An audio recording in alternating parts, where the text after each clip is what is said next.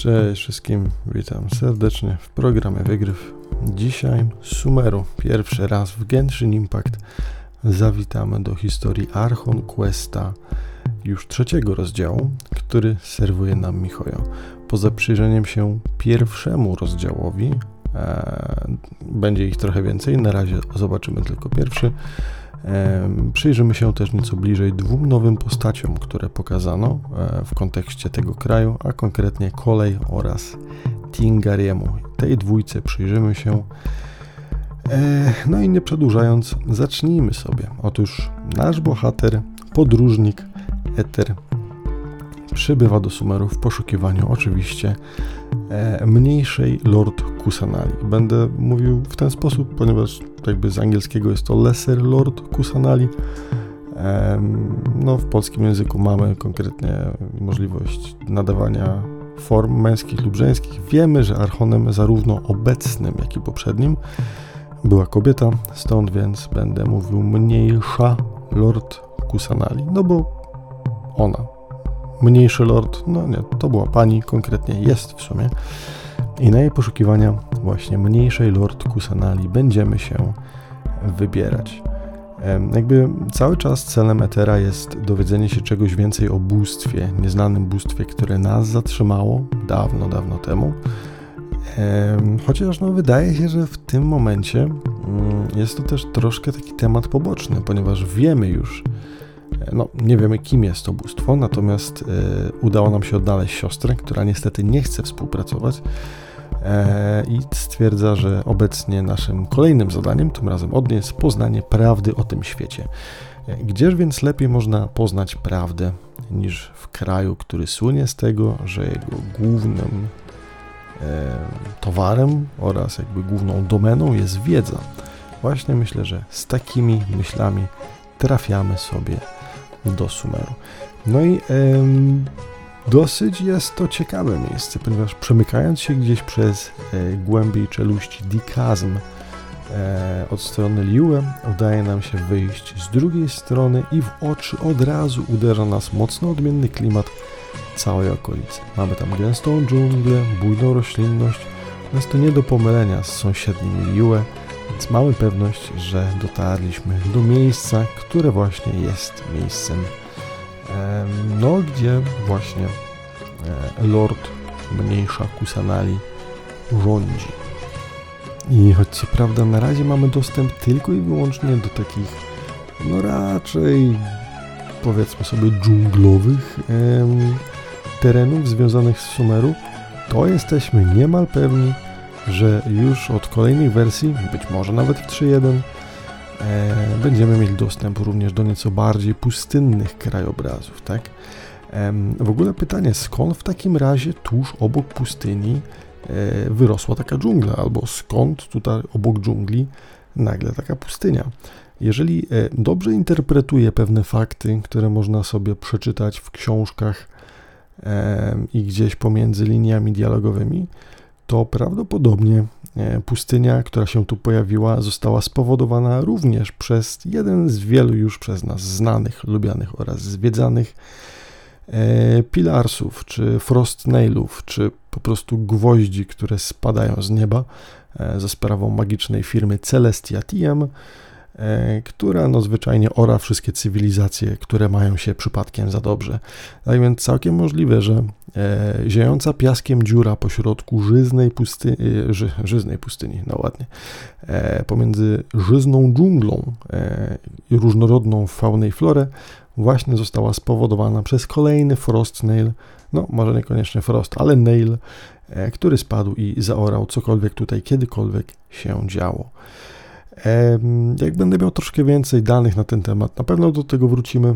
A na razie myślę, że chociaż tyle e, wystarczy, aby waszą, wasz głód wiedzy troszkę pobudzić i abyśmy posłuchali dalej, cóż tu się ciekawego w Sumeru będzie działo.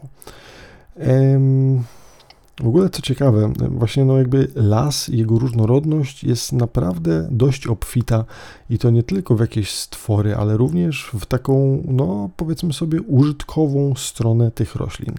E, mamy mechaniczne grzybki, znaczy mechaniczne, mechaniczne zastosowanie tych roślin, które są tutaj. Na przykład grzyby, które wybijają nas gdzieś wysoko do góry, jakieś jasne, kwieciste punkty, które pozwalają się nam przyciągać.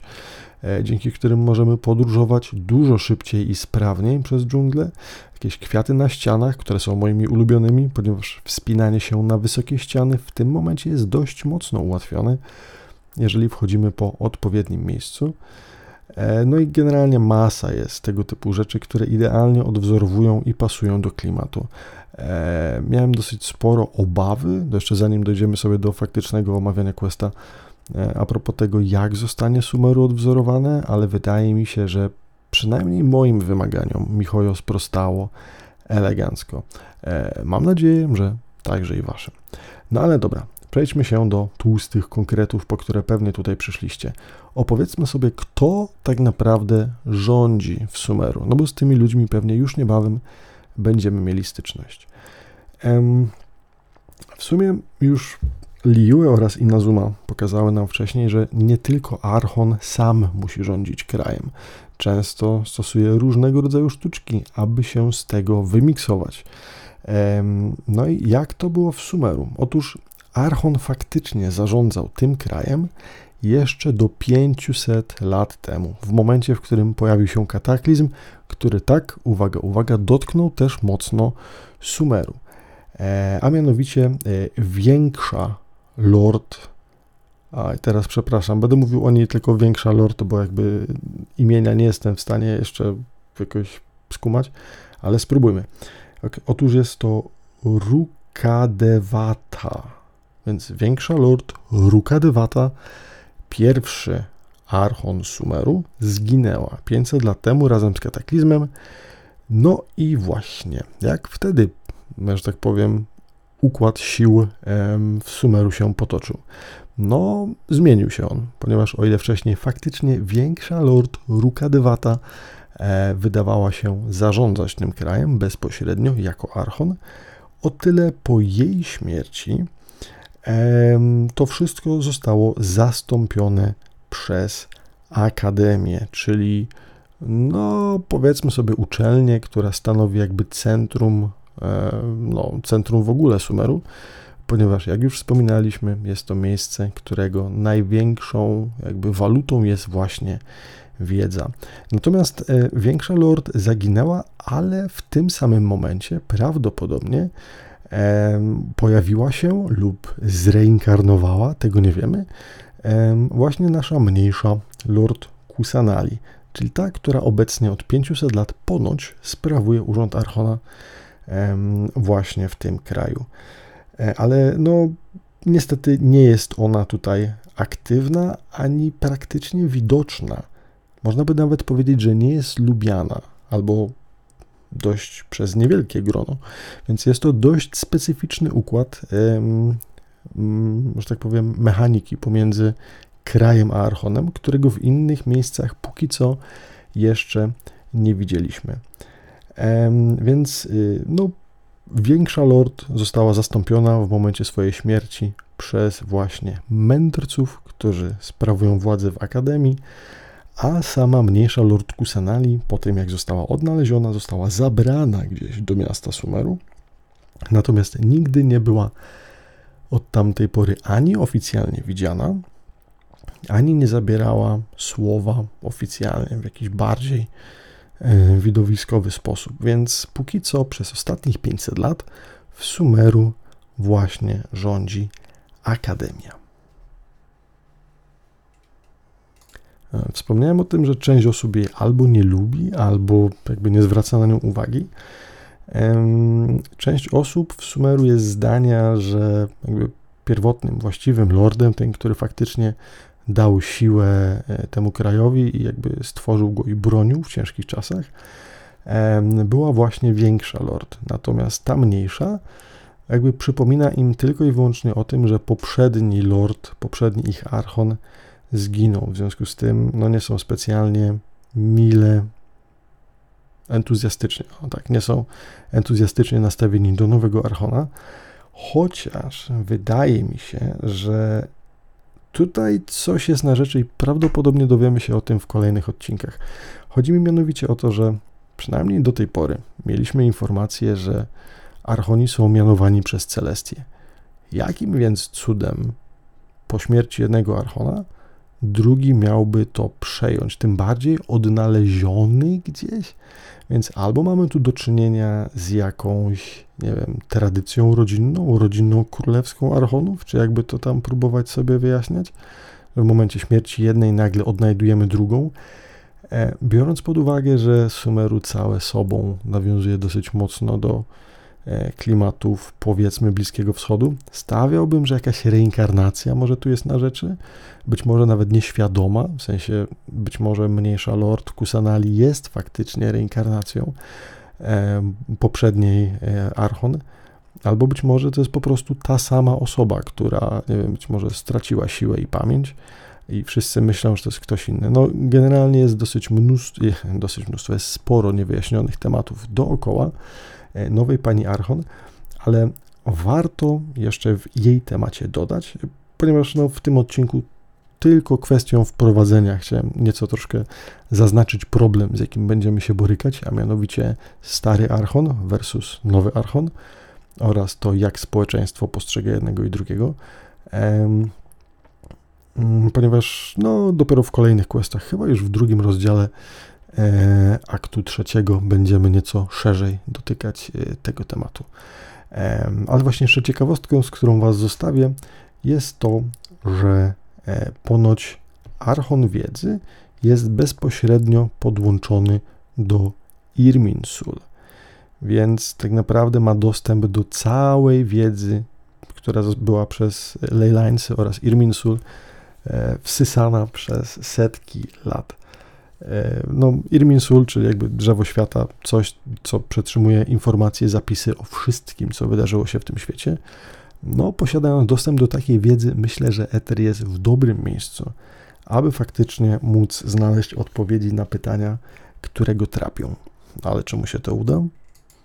No bo jak w końcu znaleźć Archona, którego nikt od setek lat nie widział? No, możemy być pewni, że łatwo nie będzie. Ale przejdźmy się dalej. Powiedzieliśmy sobie, że już w tym momencie Sumeru nie włada Archon. E, jest gdzieś obecny, ale na pewno nie jest on aktywny w tym wszystkim. Kto więc tym krajem rządzi? Więc odpowiedzmy sobie na to pytanie jednym słowem: Akademia. I choć z początku nie będziemy mieli z nią za dużo do czynienia, to no właśnie jest to najważniejsza jednostka sprawująca władzę w Sumeru. No jednostka, jakby instytucja, organizacja, tak? E, Akademia jest podzielona na sześć wydziałów, e, jakichś takich, nie wiem, dziedzin nauki, można by to sobie powiedzieć. I też wybaczcie, że nie będę czytał tych właściwych nazw, tylko dziedziny, którymi się zajmują. E, może jak oglądacie to na YouTubie, to dorzucę jakieś wideografiki, jak nie będę zbyt leniwy to Wam podrzucę, żebyście mogli sobie to przeczytać. W każdym razie te sześć dziedzin i sześć wydziałów, których nazw nie przytoczę, żeby nie kaleczyć e, swojego języka, a Waszych uczu, uszu, to e, pierwszą e, z tych dziedzin, którą oczywiście, no bo jak żeby inaczej w krainie e, tak wybujałej fa fauny i flory e, móc e, wynaleźć, jest oczywiście biologia, która zajmuje się właśnie badaniem organizmów żywych. Mamy też dość ciekawe podejście, dość ciekawą dziedzinę, odłam albo wydział e, Akademii, e, który zajmuje się iluminationizmem. Po polsku chyba takie słowo nie istnieje, no ale chodzi o illuminationizm, coś takiego. E, no i w dużym skrócie chodzi o naukę o gwiazdach, o tym, co mówią, no bo jak wiemy, w tym świecie wszystko jest zapisane w gwiazdach, więc taka trochę astronomia, trochę astrologia. E, trzecim wydziałem jest elementalizm, czyli jak się możecie domyślać, nauka o elementach, które Teyvat posiada, o reakcjach między nimi, ale też o leylines, które jakby umożliwiają czerpanie właśnie z tych konkretnych elementów. E, czwartym e, wydziałem, który Akademia Sumeryjska ma, jest to semiotyka, czyli no, czym jest semiotyka? Jakby ekspertem nie jestem, ale na ile Wikipedia mówi, E, jest to ogólna teoria znaków, czyli powiedzmy nauka, która ogólnie traktuje o logice, języku i wszystkim, co jest z tym związane. E, kolejną wesołą dziedziną nauki, e, piątą już tutaj, piątym wydziałem, jest wydział aetologii, aetologii, aetologia, jest coś takiego po polsku? nie mam pojęcia. No ale chodzi tutaj o jakieś takie socjologiczne aspekty związane z jakimś powstawaniem grup społecznych, kultów, tradycji, zwyczajów, tego typu rzeczy traktuje eitologia. E, I ostatnim, szóstym wydziałem e, Akademii Sumeru jest Wydział Technologii, czyli no, tak szeroko pojęta teoria rzeczy nieożywionych, użytkowych, e, jakichś maszyn i tak ale również w tym też architektura. I każdym z tych działów zarządza mędrzec, w sensie sage, e, po polsku mędrzec, więc tak będę to dalej tłumaczył. I e, jeden z nich jest chyba raz na jakiś czas wybierany, e, aby stanąć na czele całej akademii. Poza tym, że przewodzi swojemu wydziałowi, no to jeszcze ma tą reprezentacyjną część i zarząd, zarządzającą pewnie z ramienia całej akademii. Póki co, jakby nie spotkamy się za mocno z tym panem, ale możecie sobie już zapamiętać, że jest to, że tak powiem, mędrzec drugiej, e, drugiego wydziału e, tutaj i e, zajmujący się właśnie iluminationizmem, czyli tym czytaniem z gwiazd, astrologią i tak dalej. Ale jakby same wydziały i nauka nie jest jedyną część, no może inaczej, to są jakby te główne części, te ośrodki wiedzy, które pchają faktycznie e, Sumeru na szczyt, e, że tak powiem, wiedzy i zaspokajają głód tego świata do tej wiedzy e, dotarcia. Natomiast potrzebują oni też innych wspierających jednostek i tak na przykład mamy również do czynienia z oddziałami Matra. Matra jest trochę jak straż, trochę jak komitet dyscyplinarny, jeżeli czytaliście komiks e, Genshina, no to tam szefem całej organizacji jest Saino, czy Cyno. Jeszcze nie wiem, jak go czytać, ale e, on jest właśnie tam generałem Mahamatrą, czyli jakby tam, nie wiem, najwyższym matrą.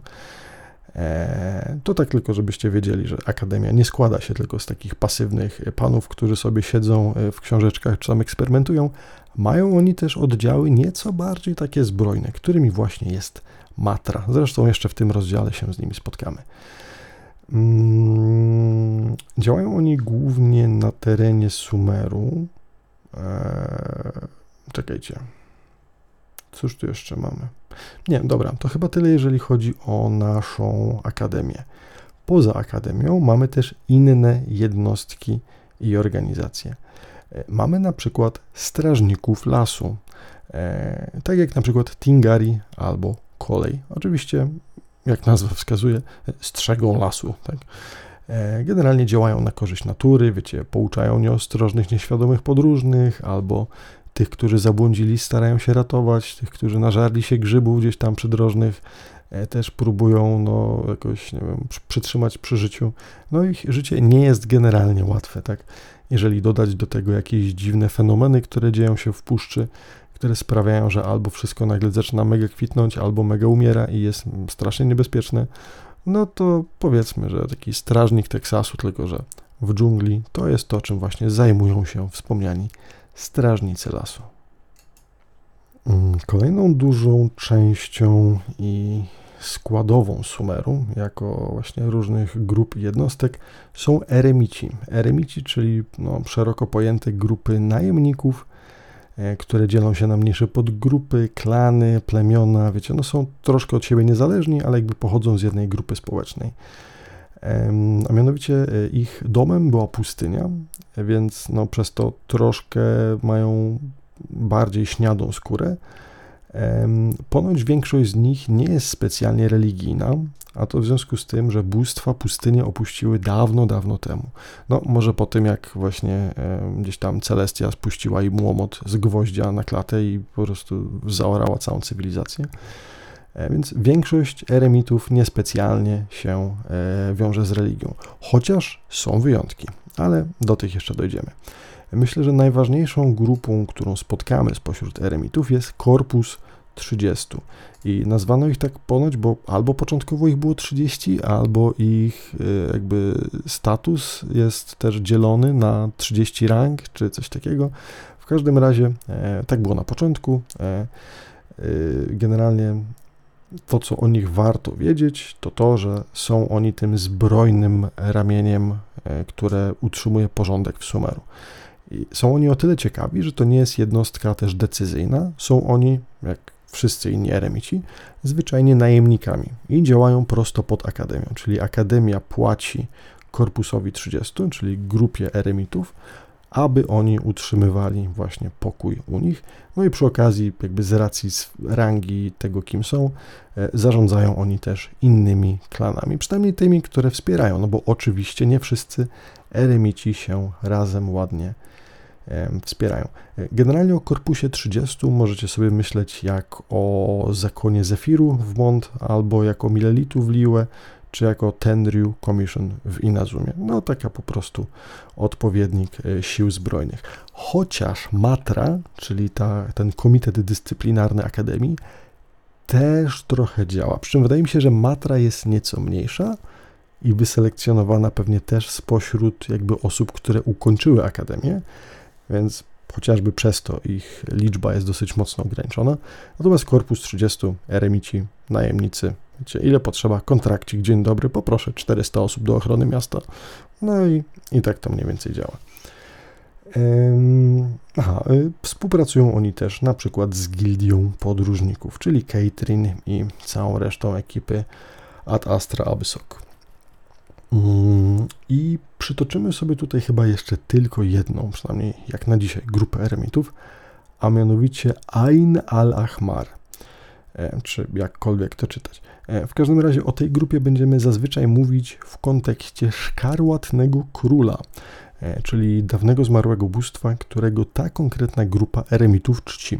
Tak jak wcześniej wspomniałem, większość z nich jest jakimiś, nie wiem, ateistami, agnostykami, no, osobami, które niespecjalnie przejmują się bóstwami, nawet jeżeli gdzieś istnieją, ale akurat spośród eremitów grupa Ain al-Ahmar, jako jedna z kilku, bo chyba oni nie są jedyni, e, właśnie wyznają jednego z bóstw, które już dawno, dawno temu odeszły. Co ciekawe, e, sądzą, że ich Bóg ma powrócić, bo ponoć słyszeli na pustyni e, jakieś e, głosy i tak dalej. Nie brzmi to specjalnie poważnie, ale no tak twierdzą. No i jeszcze z takich ciekawych rzeczy, które można o nich powiedzieć i które oni mówią o swoim bóstwie i dlaczego właśnie tak ubóstwiają to bóstwo. Ponoć szkarłatny król był królem i Bogiem mądrości, pierwotnym, przed pojawieniem się e, większej lord, która jakby tutaj 500 lat temu zakończyła e, swoją służbę dla Sumeru. Ponoć wcześniej kimś takim był właśnie szkarłatny król, ale został pokonany. No i, i niestety już go teraz nie ma. Natomiast ponoć jego królestwo, czyli prawdopodobnie to, które zostało zaorane Frostnailem e, przez Celestię, ponoć no, było na poziomie dużo wyższym niż Sumeru, które obecnie wygląda jedynie jak cień tej wiedzy, którą kiedyś tamte miasta i cywilizacja Szkarłatnego Króla e, miała.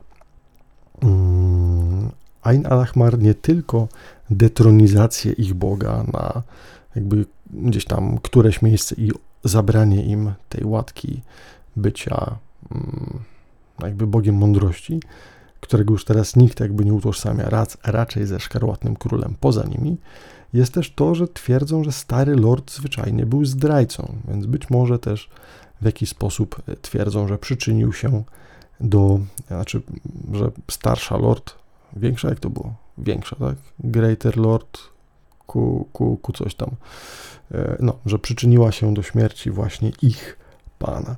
Tak więc być może są to jakieś opowieści z czasu wojny Archonów, no, mam nadzieję, że troszkę dokładnie o tym usłyszymy e, w przyszłości.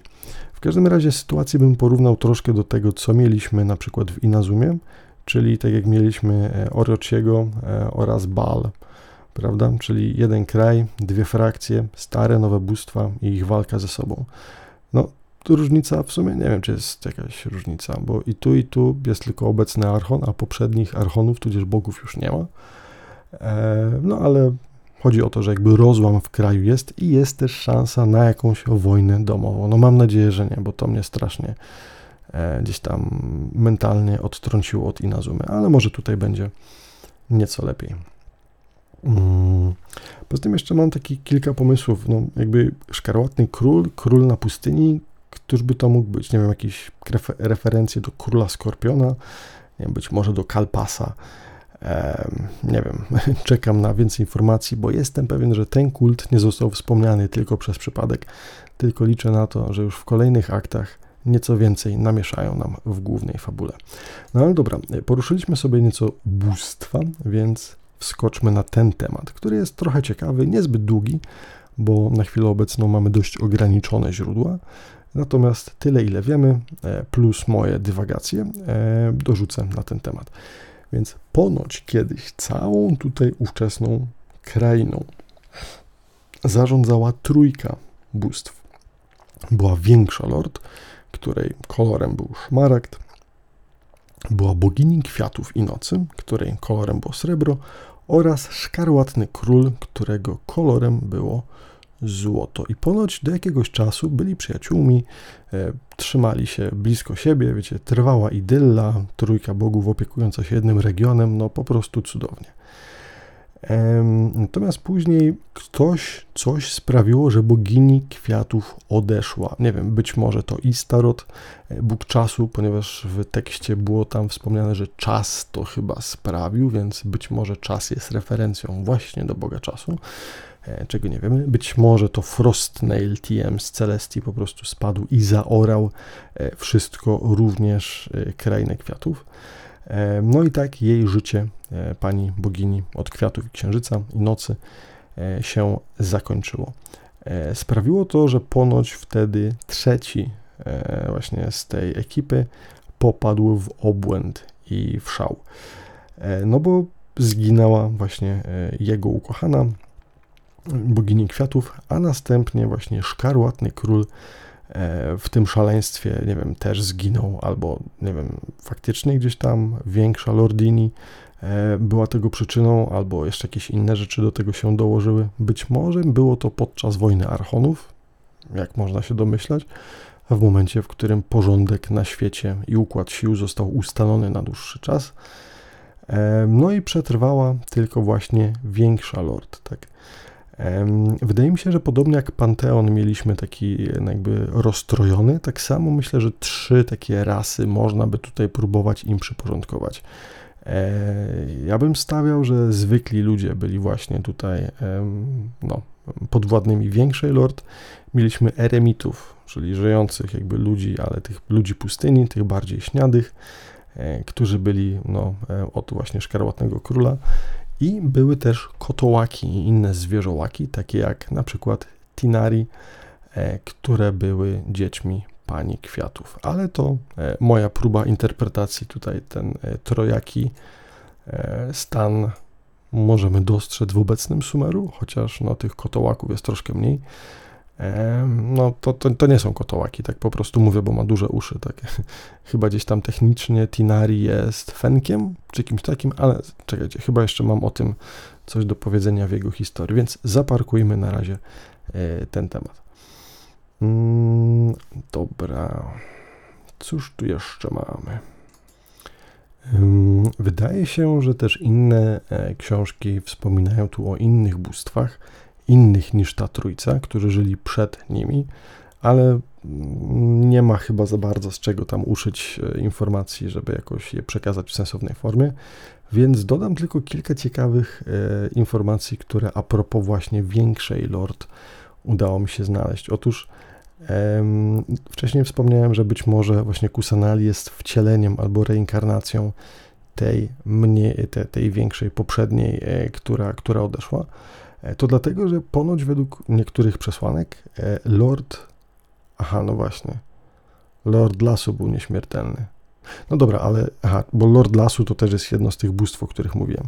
Więc jeżeli Lord Lasu był nieśmiertelny i na przykład jego kolejnym wcieleniem była większa Lord, to wtedy większa lord umierając zostawiałaby mniejszą lord Kusanaliego, Kusanali, jako swoją reinkarnację. W każdym razie e, jakby też przez Sumeru przytacza się motyw Samarsy, czyli cyklu, który się powtarza cały czas, życia i śmierci. I nie byłbym specjalnie mocno zdziwiony, gdyby to również dotyczyło lokalnych bóstw, e, właśnie też tutaj e, Archona. W każdym razie e, nieśmiertelność jednego z poprzednich bogów jest tu mocno podkreślona, więc no, jeżeli nie umarł, no to zreinkarnował prawdopodobnie.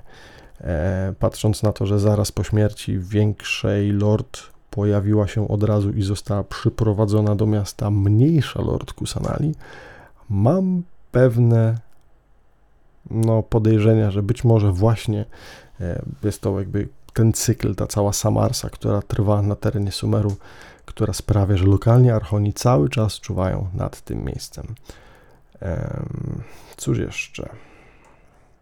Aha, y, fajna, fajna taka analogia, którą sobie tutaj listowałem, patrząc na to, jak ludzie reagują na e, swoje bóstwa, no to mieli, zaczęliśmy od Mont, tak? E, tam e, Barbatos był uwielbiany przez swoich ludzi.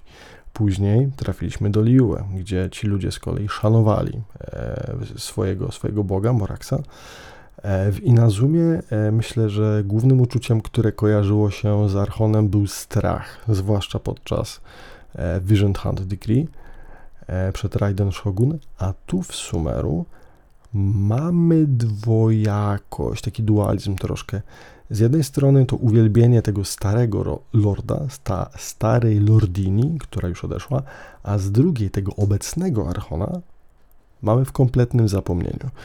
Więc mm, no, troszkę przykro, trochę dziwnie, ale fajnie, przynajmniej z tej perspektywy odbiorcy gry, że nie mamy tu jakiegoś powielania scenariuszy. Każdy z tych archonów w każdym ze swoich miast mierzy się z kompletnie innymi tematami.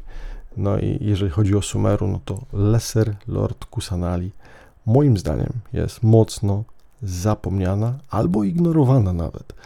Um, przez Akademię wydaje mi się, można spokojnie powiedzieć, że jest ignorowana i to dość mocno. Um, no dobrze, no to co w takim razie robimy po przybyciu? Tu już sobie e, skończymy ten fragment wprowadzający i przejdźmy się do właściwego questa. Otóż e, w tej naszej pięknej, cudownej dżungli, do której wchodzimy e, od strony Dikazm, napotykamy pierwszą osobę, no i oczywiście chcemy od niej pomocy, przynajmniej jakichś wskazówek, aby wskazała nam drogę do głównego miasta tego terytorium. Niestety okazuje się, że albo nas nie widzi, albo jest niespecjalnie pomocna, albo ma nas głęboko w poważaniu, e, ponieważ pani, e, którą zobaczyliśmy, kompletnie nas ignoruje. Paimon się odpala i stwierdza, nie, że idziemy za nią i po prostu zrobimy jej jakąś scenę. Więc podążamy za nią do jakiejś pustelni, gdzieś, gdzieś głęboko w dżungli, gdzie ona przy kadzidełkach wydaje się medytować. E, Paimon chwilowo jakby swoją złość przekuwa w zainteresowanie, ponieważ zapach kadzideł wydaje jej się dość mocno mm, przyjemny i ciekawy, czego niestety nie może powiedzieć Eter, który ma tak silne zawroty głowy, że w pewnym momencie pada chłop nietomny e, na glebę. E, ale w tym momencie ma wizję. Wizję, kiedy stoi przed potężnym drzewem, które w jakiejś takiej, nie wiem, potężnej jaskini gdzieś sobie e, lśni na jakiś taki różowo-fioletowy kolor. E, jest to drzewo Irminsul, czyli drzewo, przez które przepływają wszystkie leylines. Do tej pory, jeżeli walczyliście w domenach, no to widzieliśmy tylko jakieś takie malutkie, nie wiem, pousychane fragmenty albo gałęzie faktycznie Irminsul. E, albo jakieś miniaturowe tego wersje.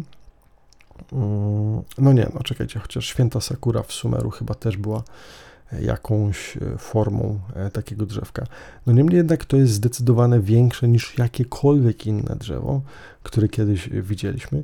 A jeżeli połączymy to z tym, że Irminsul jest jakby tym głównym, mm, no, leży w środku świata, wszechświata i mm, jakby E, zawiera wszystkie informacje o tym świecie, no to możecie poczuć pewną taką mm, powagę sytuacji, kiedy Ether właśnie stoi w jakiejś takiej dziwnej eterycznej aurze, patrząc na to drzewo, które gdzieś przed nim wyrasta potężnie w górę.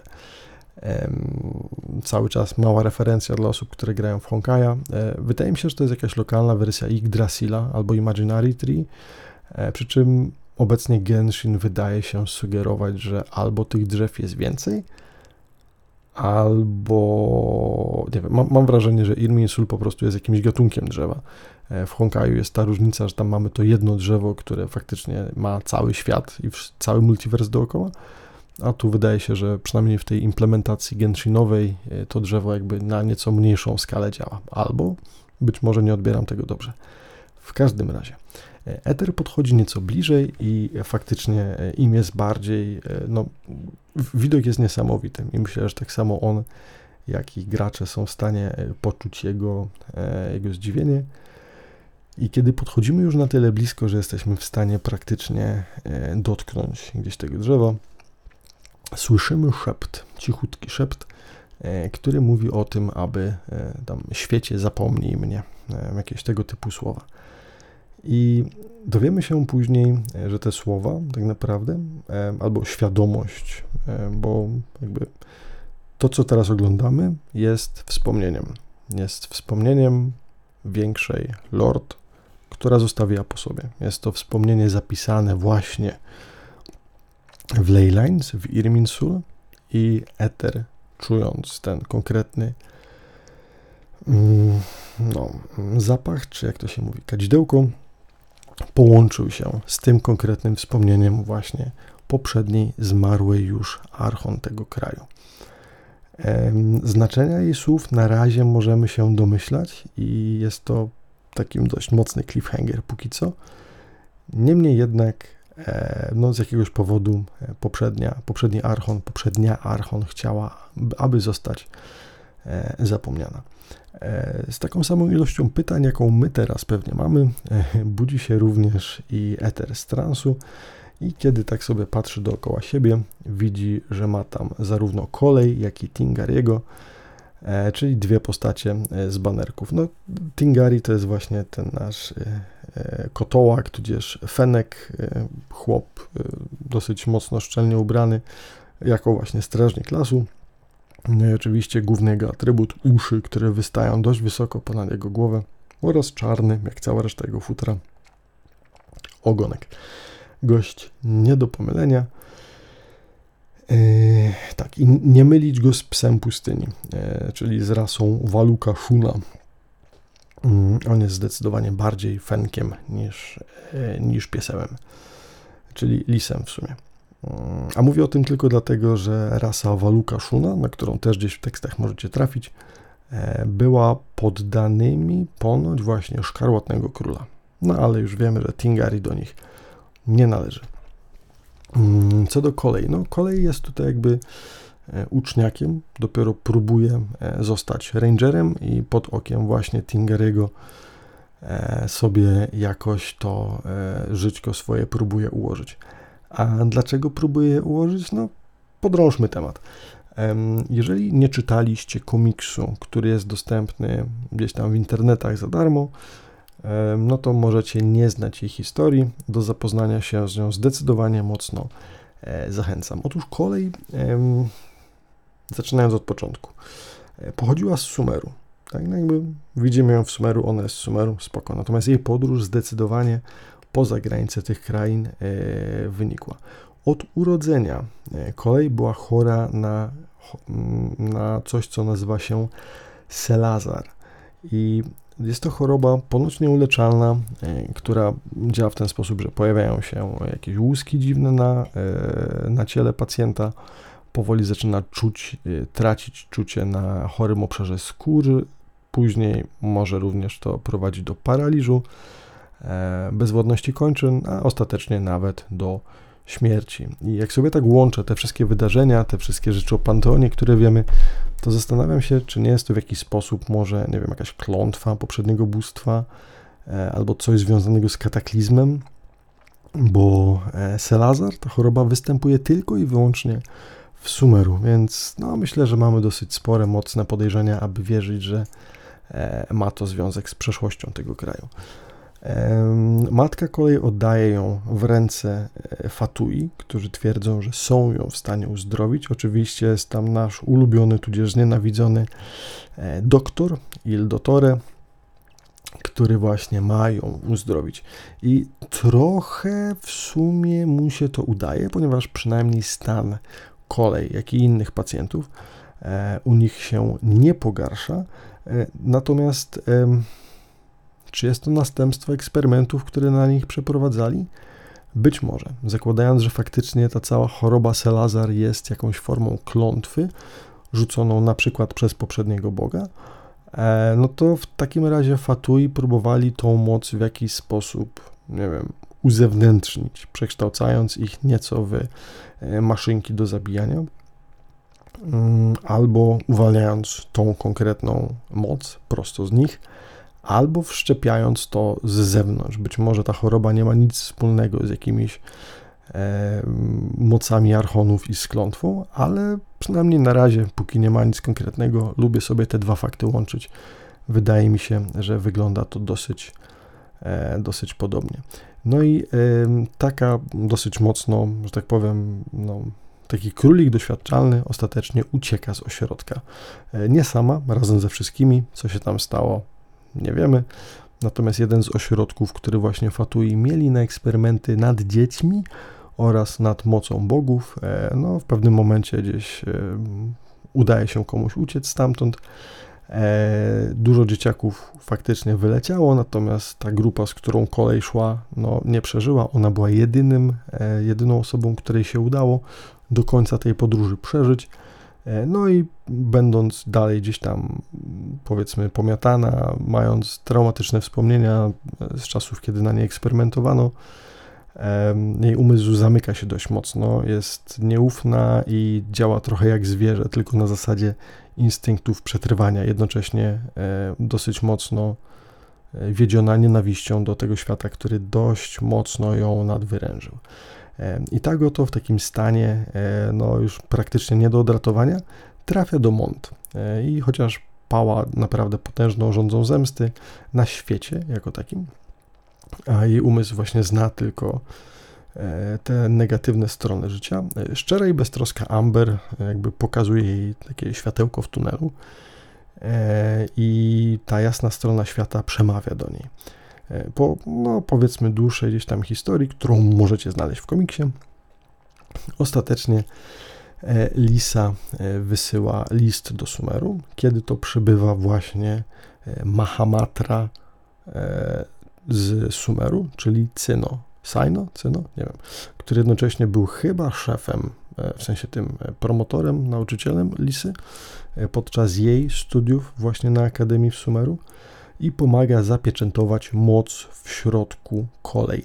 E, możecie sobie o tym pomyśleć, jak znacie Naruto, no to tak jak, nie wiem, Minato e, zapieczętował Ninetalesa w Naruto, e, tak w jakiś sposób Sino czy Cyno próbuje tutaj tą moc wewnątrz kolej zapieczętować, aby była, aby nie groziła ona ani jej jako hostowi, ani nikomu na zewnątrz. I wtedy zabierają do Sumeru, i tam właśnie pod okiem Tingeriego mm, ma ona e, no, jakby wrócić się do społeczeństwa, e, jakby to dobroć i e, te wszystkie pozytywne strony życia, które pokazała jej zarówno Amber, jak i inni mieszkańcy Mond, przekuwają jej umysł w, no, w osobę czy personę, która w tym momencie ma zamiar właśnie zostać lekarzem, aby pomagać tym w potrzebie, prawdopodobnie, aby no, jakoś odkuć się i spróbować uratować ten świat, pomimo własnych swoich poprzednich tragicznych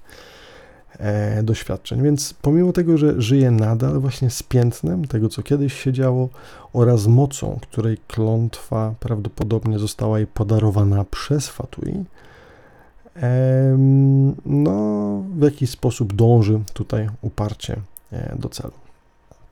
Mm, ale to nie koniec. Po przybyciu do Sumeru e, rozpoczyna ona naukę. E, jakby jej największym problemem jest to, że ani nie czyta, ani nie pisze, no bo jakby to dzieci w jej wieku normalnie łapią, no ale ona wtedy była zamknięta jako szczur laboratoryjny, więc nie miała jak tego zrobić. Więc teraz nadrabia stracony czas i choć na początku czytała głównie książki dla dzieci, no bo te jakby bardziej techniczne mają zbyt trudny język, który nie jest w stanie jej ani jakoś otworzyć, ani zainteresować bo skupia się na tym prostym właśnie języku, w którym są jakieś właśnie, w którym są pisane na przykład bajki. Obecnie chyba z tego co kojarzę na czytaniu, na etapie czytania light novelek, być może nawet coś z wydawnictwa Jae trafia do Sumeru, e, gdzie może sobie to wszystko poczytać. No i jakby próbuję tą stronę taką bardziej teoretyczną u siebie podciągnąć. E, mówię o stronie teoretycznej, ponieważ stronę praktyczną ma ona na dość wysokim poziomie. E, tutaj jakby całą historię, no powiedzmy, dość mocno spłuciłem, natomiast musicie wiedzieć, że kolej przez długi czas podróżowała sama, nie była zdana na siebie. I pomimo tego, że miała na swoje, powiedzmy, zawołanie dość upiorne moce, którymi mogła sobie utorować, e, powiedzmy, drogę w razie problemu, no to pewnie nie korzystała z tego cały czas. A aby przeżyć samej, gdzieś tam w dziczy, czy w miastach, czy po prostu bez nikogo dookoła, musiała sobie radzić. I tutaj w dżungli odnajduje się naprawdę, e, naprawdę dobrze. E, więc no, jest powiedzmy naprawdę szyta na rolę zwiadowcy. Ponoć zaraz po przybyciu tutaj do Sumeru od razu chciała właśnie jakby być, wcielić się w taką konkretną rolę. Warto o niej dodać też, że jakby przez swoją przeszłość, ale prawdopodobnie jeszcze wcześniej, bo ona dość sporą introwertyczką, więc sposób w jaki rozwiązuje swoje problemy jest dosyć ciekawy. E, mianowicie, aby obniżyć poziom stresu, e, zwyczajnie mm, próbuje e, wyrzucić z siebie wszystkie rzeczy. Ale jak to robi? Otóż, jak u nas mamy powiedzenie, że ze wstydu ktoś by się chciał zapaść pod ziemię, tak w Sumeru mówi się, że ktoś by chciał zostać połkniętym przez drzewo. E, no i generalnie jest wiele bajek o tym, jak to osoby, które wchodzą sobie do drzewa, e, mówią o swoich problemach. Pojawiają się wtedy jakieś tam małe leśne duszki, aranara, które są ponoć, jak to się mówi, mm, no jakimiś niepowiernikami, ale minionami. O, minionami to chyba dobre słowo minionkami e, właśnie e, Dendroarchona. I tak kiedyś oto kolej właśnie opracowała sobie taki sposób, aby wyrzucić z siebie nagromadzone emocje. Znalazła sobie pusty pień drzewa i tak jak wcześniej czytała w bajkach, zwyczajnie swoje problemy starała się ofiarować duszkom Aranara i o dziwo działa czy nie działa, słuchają czy nie słuchają, faktycznie pomaga jej to obniżyć swój poziom i też przez to na przykład lepiej się później uczyć, więc no w sumie czemu nie? Najważniejsze, że to wszystko działa. Ale wróćmy do czasów obecnych, więc teraz kolej oraz Tignari e, odnajdują nas i przynoszą po tym, jak straciliśmy przytomność e, podczas wizyty w dziwnej pustelni. Mm, Tinari zaleca nam, że powinniśmy jeszcze zostać przez jakiś czas na obserwacji, ponieważ musimy się przyzwyczaić do takich odczuć, jak wtedy widzieliśmy tam gdzieś w podróży. Chodzi o to, że las ma na tyle dużo jakichś miejsc zapachów, które mogą w podobny sposób wpływać na nas, że dość niebezpiecznie. Oj, przepraszam. Będzie troszkę późno, przepraszam. Ziewnąłem sobie jest dosyć dużo sytuacji, kiedy znowu to się może powtórzyć. Na jakby zemdlenie w lesie, który jest dość mocno najeżony jadowitymi wiem, potworami czy roślinami, no nie jest najlepszym miejscem na ucięcie sobie y, nieprzytomności, tak? W związku z tym mamy zostać na miejscu i się nie ruszać. Nie wiem też, czy wspominałem wcześniej, bo jeszcze do Tigneriego sobie dojdziemy, ale dlaczego jakby on jest tutaj z nami? No, poza tym, że opiekuje się kolej i poza tym, że oboje nas właśnie znaleźli, kiedy byliśmy nieprzytomni, e, Tignari jest też nieformalnym liderem strażników e, tutaj lasu i chociaż nie mają oni u siebie jako, jako takiej hierarchii, e, no jest traktowany przez innych, jakby faktycznie był tutaj szefem. Być może dlatego, że wprowadził naprawdę dużo ulepszeń oraz procesów właśnie w tej organizacji, przez co też niektórzy nazywają go generałem. E, no ale sam za tym nie przepada, bo wiecie, taki z niego skromny, mały lisek. W każdym razie e, po jego analizie sytuacji e, mamy gdzieś tam być nie dookoła kolej, która ma się z nami razem gdzieś tutaj poruszać i od słowa do słowa wpadamy na pomysł, żeby pójść razem z nią i posprzątać jakąś statuetkę siedmiu bóstw. Jak się możecie oczywiście domyślać, tutejsza statuetka przedstawia posąg Archona jako małą dziewczynkę. No i czy jest to Kusanali, która jest tą mniejszą lord, czy może jest to też większa lord? Nie wiadomo. O niej nieco więcej pogadamy sobie w kolejnym odcinku, ale już teraz, jeżeli widzieliście screeny albo i głównie graliście w Honkaja, to na przykład możecie się domyślić, że wizualnie przypomina ona dość mocno Teresę. E, dlaczego o tym mówię? Bo e, w tym momencie bardzo dużo osób zakłada, że pomnik Dendroarchona przedstawia dziecko. Dziecko, którym jest nowy Dendroarchon, czyli mniejsza Lord Kusanali.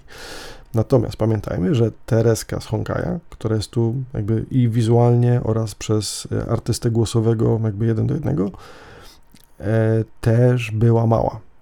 Chodzi mi tylko o to, że to, że mała postać jest pokazana na statuetce, to nie znaczy, że to jest ta mniejsza Lord Kusanali. Być może większa Lord Kusanali wcale nie była duża, tylko też była, no powiedzmy, rozmiarów no niedorosłych, tylko mniej.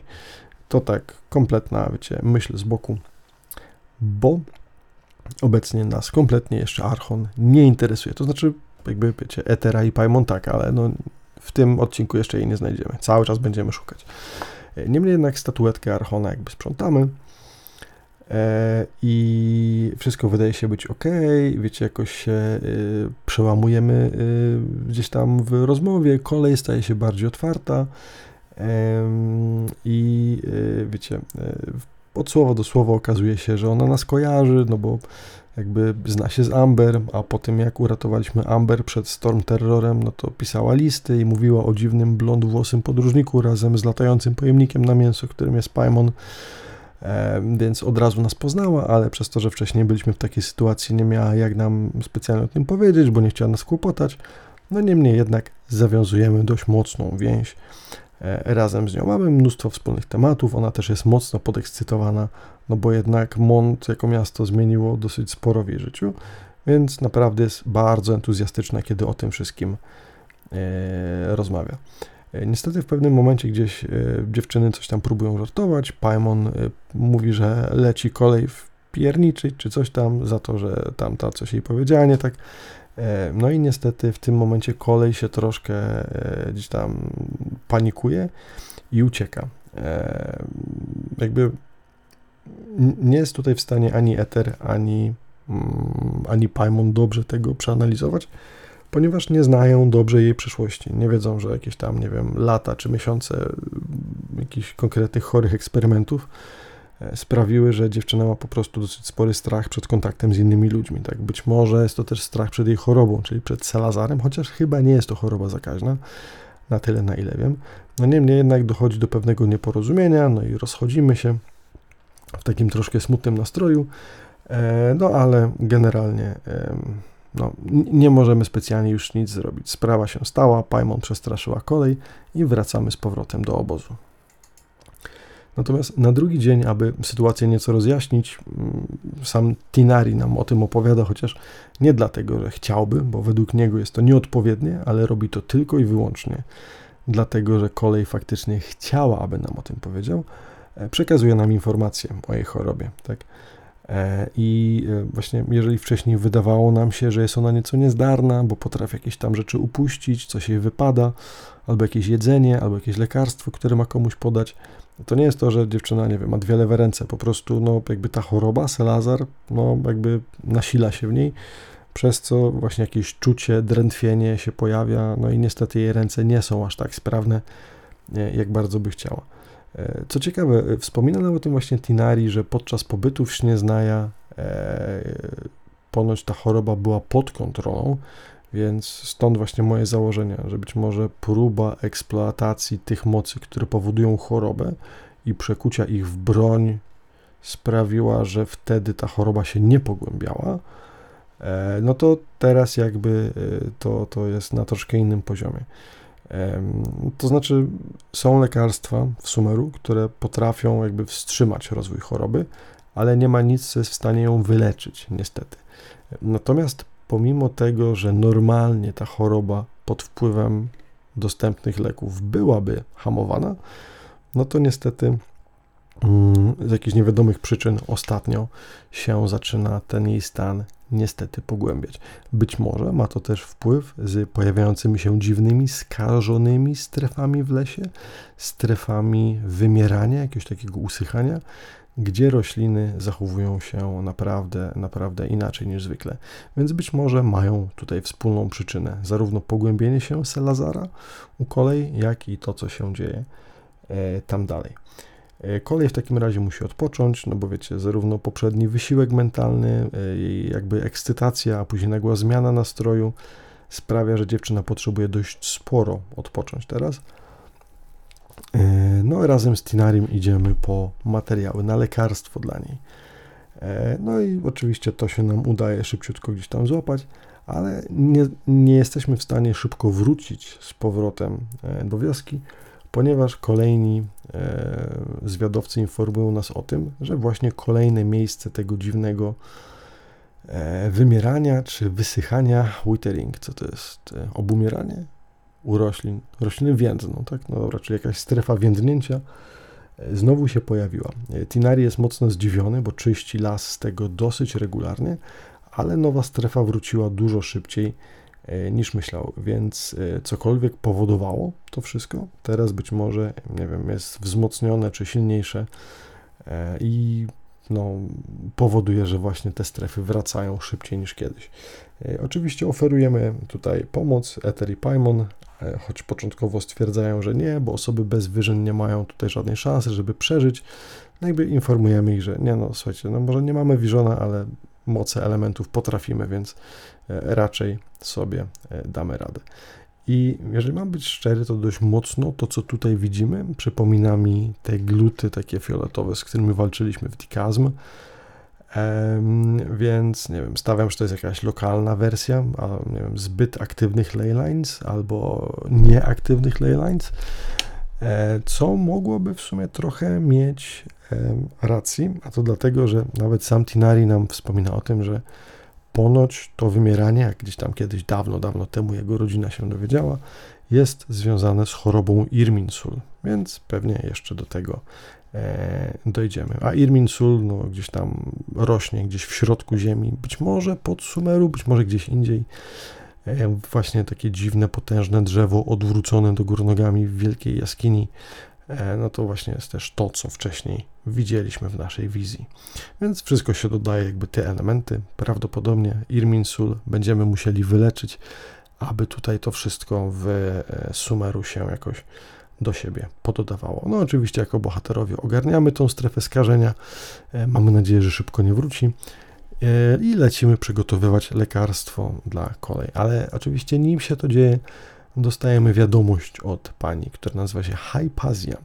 Jest to ta babeczka, którą widzieliśmy wcześniej, która nas ignorowała. No, my tego nie wiemy oczywiście, ale odbierający maila wysłanego właśnie ptaszełem, e, Tinari oczywiście rozpoznaje i dostajemy od niego e, przykaz, aby pójść do niej i ją wesprzeć, ponieważ, jak mówi list, zasłabła podczas medytacji, ponoć już nie pierwszy raz. E, dlaczego to robi, dlaczego medytuje i dlaczego tak bardzo się zajeżdża?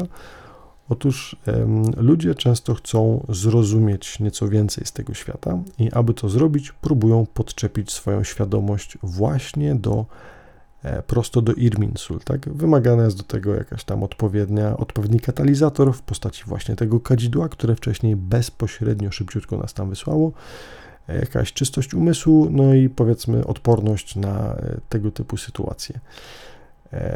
Więc no, medytując w takich warunkach można się troszkę, mm, jak to się mówi, no może nie odwodnić, ale można się nadwyrężyć. E, I tak właśnie tutaj Hypazja przesyła informację do Tinariego, że coś tam z nią jest nie tak, żeby, żeby jej pomóc. E, no i docieramy sobie do tej pani. Mm, a, czekajcie, jeszcze a propos tego, dlaczego ludzie medytują? No właśnie, aby zdobyć tą wiedzę, bo no, czasami nie da się czegoś po prostu wyczytać z książek. E, stąd pomysł, żeby podczepić się bezpośrednio do bazy danych, którą właśnie jest Irminsul, które kumuluje wiedzę o całym świecie. E, no, oczywiście, jakby próba pojęcia takiej ilości wiedzy być może powodować no, nieodwracalne skutki w głowie, E, więc dowiadujemy się, że no tak, można skończyć e, z szaleństwem jak najbardziej, że jest kilka poziomów, na których ci ludzie właśnie jakby medytują, ale o tym też jeszcze za chwilkę. Kiedy docieramy za pierwszym razem do Hypazji, widzimy jak leży ona nieprzytomna na glebie, ale zanim zdołamy coś specjalnie zrobić, widzimy dziwnego kapustowego stworka, przynajmniej tak go nazywa Paimon, E, i jest to właśnie wspomniana wcześniej, wspomniane wcześniej stworek Aranara, czyli niejako posłaniec Dendroarchona. I tak samo jak wcześniej zostaliśmy wysłani w jakiś taki, no, e, w trans, tudzież podczepiliśmy się pod Irminsul, widząc właśnie to drzewko gdzieś tam w jakiejś wizji, e, co prawdopodobnie spowodował ten, jak to się nazywa, pali się, co ona paliła? Co to było? No widzicie, tak to jest, jak się e, za mało czyta. E, incens, kadzidło. O, jestem. Więc e, pani paliła kadzidło, to kadzidło wcześniej nas wysłało na trans, a teraz ten mały, dziwny, fioletowo-zielony stworek Aranara wysyła nas na podobny trip, przy czym wydaje mi się, że mamy mniejszą świadomość tego, że teraz znowu coś się dzieje. Więc jak wcześniej widzieliśmy to dziwne, różowe drzewo. Teraz mamy jakiś taki piękny, złoto-zielony krajobraz, być może jakiegoś nowego drzewa, być może nowego Irminsul, albo chociaż nie, teraz jak o tym myślę, to być może to były początki Sumeru, ponieważ Sumeru chyba też zostało założone właśnie przez większą lord, nie wiem, gdzieś być może na tej pustyni, którą wcześniej zaorała Celestia i to miasto jakby to wszystko wyrosło z ziemi naraz. Więc być może ten taki ciekawy świat w rozkwicie, który tutaj obserwujemy przez chwilę, jest tym światem, który właśnie, mm, który no jakby też jest wspomnieniem jakimś schowanym w Irminsul e, z początków właśnie Sumeru. Tak bym to stawiał, bo właśnie taka świeżość aż bije po prostu z, z tej dziwnej domeny, w której się pojawiamy. Gdzieś po środku widzimy jakiś złoty pąk ogromnych rozmiarów, e, w którym coś prawdopodobnie kwitnie. E, no i naprawdę wygląda to mocno sumerowo, więc cokolwiek to jest, jest to być może czas, kiedy, nie wiem, faktycznie jeszcze trzy bóstwa współistniały ze sobą razem na terenie obecnego Sumeru. I tą całą idyllę ostatecznie psuje pojawienie się Heralda Otchłani, e, którego no, pomimo naszych starań nie możemy tutaj pokonać. E, pastwi się, chłop nad nami psychicznie, mówiąc, no, że twoja passa dobiega końca, że tutaj już nie możesz tyle wygrywać, że teraz polegniesz i zginiesz, a w ogóle twoja siostra nie chce cię znać i w ogóle zgnij przepadnij. E, w tym momencie, no dość hardkorowo, ale jednak wypadamy z naszej iluzji. E, I odnajdujemy właśnie Hypazję, która też tam cały czas ledwo się rusza, no ale my już przynajmniej wróciliśmy też do e, realnego świata. Później właśnie w rozmowie z nią, kiedy już troszkę się ona e, ogarnie, Hypazja przekazuje nam dużo ciekawych informacji właśnie a propos tego, jak działa.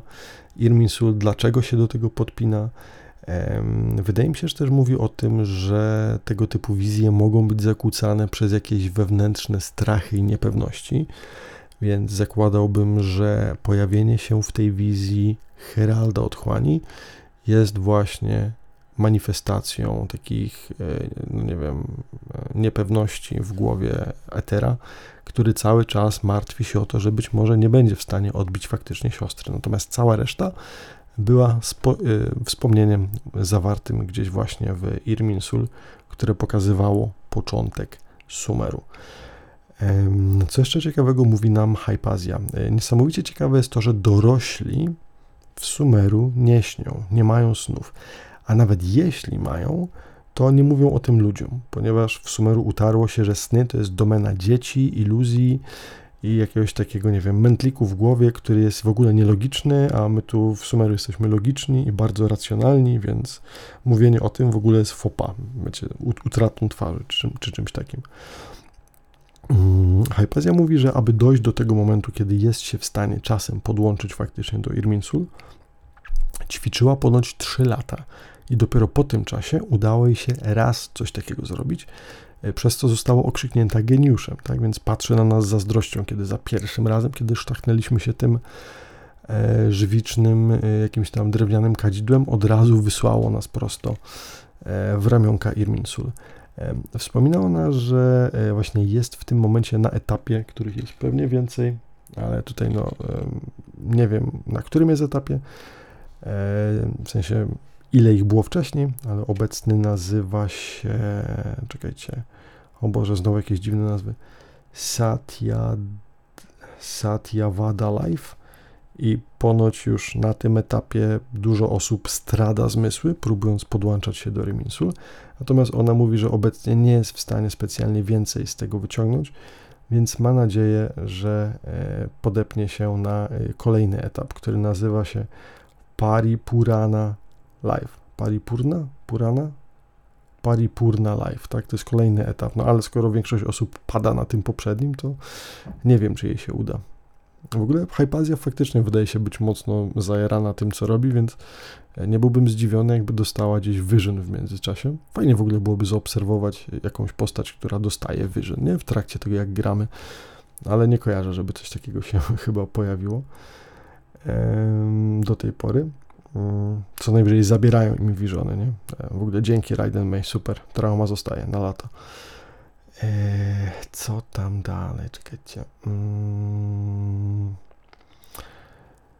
Aha, no właśnie. Eee. O snach w ogóle porozmawiamy sobie w kolejnym kwestie, bo tam będzie nieco więcej o tym i tam na pewno wyjaśnimy sobie o tym. Mam pewne teorie na temat tego, dlaczego dorośli w Sumeru nie mają snów, ale tutaj niestety proszę o cierpliwość z Waszej strony. W każdym razie ratujemy Hypazję, strefę schnięcia, e, postanawiamy się udawać dalej. Oczywiście Tinari puszcza nas e, i sugeruje, e, żeby, żeby właśnie tam iść w konkretne miejsce, aby zdobyć informacje, bo on sam nic więcej na temat tego, gdzie jest ewentualnie mniejsza Lord Kusanali, nic nie wie. E, żegnamy się z kolei, do której e, obiecujemy wrócić i przepraszamy się za to, co było wcześniej, no ale generalnie wszystko ma być już teraz dobrze. I tak ostatecznie docieramy do głównego ośrodka w Sumeru, które nazywa się miasto Sumeru, czyli Sumeru City. E, I tam jeszcze przed wejściem dostajemy ciekawy terminalik, taki wiecie, troszkę jak słuchawka bezprzewodowa na ucho, o nazwie Akasha. No tak wygląda troszkę jak ja mam jakiś taki hologram liścia się pojawia i porównałbym to do podpięcia użytkownika do internetu, tylko że tu ten internet nazywa się Akasha, no i też tam możemy znajdywać informacje, które są już e, w tej sieci. E, no ale właśnie, co tam jest? No jest dużo informacji, ale nie to, co nas interesuje, ponieważ informacji o Kusanali niestety nie ma żadnych. To znaczy, no, żadnych nowych, poza tym, że wiemy, że e, tam urodziła się z 500 lat temu, po odejściu poprzedniej Archon, bla, bla, bla. No nic nowego, a zwłaszcza e, nie ma numeru telefonu, żeby umówić wizytę, ponieważ Ether to właśnie chciałby uczynić, ale nie ma obecnie e, niestety jak.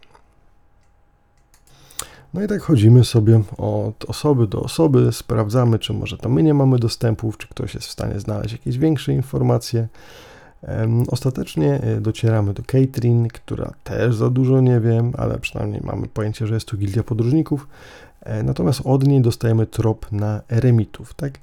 E, no i właśnie dzięki niej trafiamy na Korpus 30 po raz pierwszy, który no, w sprawie różnych komisjonów i zleceń współpracuje właśnie z gildią podróżników, ale oni także nic na ten temat nie wiedzą. No i no, jak znaleźć Archona, czy władcę miasta, e, Boga w mieście, który, którego mieszkańcy sami niewiele o nim wiedzą, jest to dosyć spore wyzwanie. I tak chodząc sobie e, od miejsca do miejsca, ostatecznie to nas znajduje ktoś, a nie my kogoś.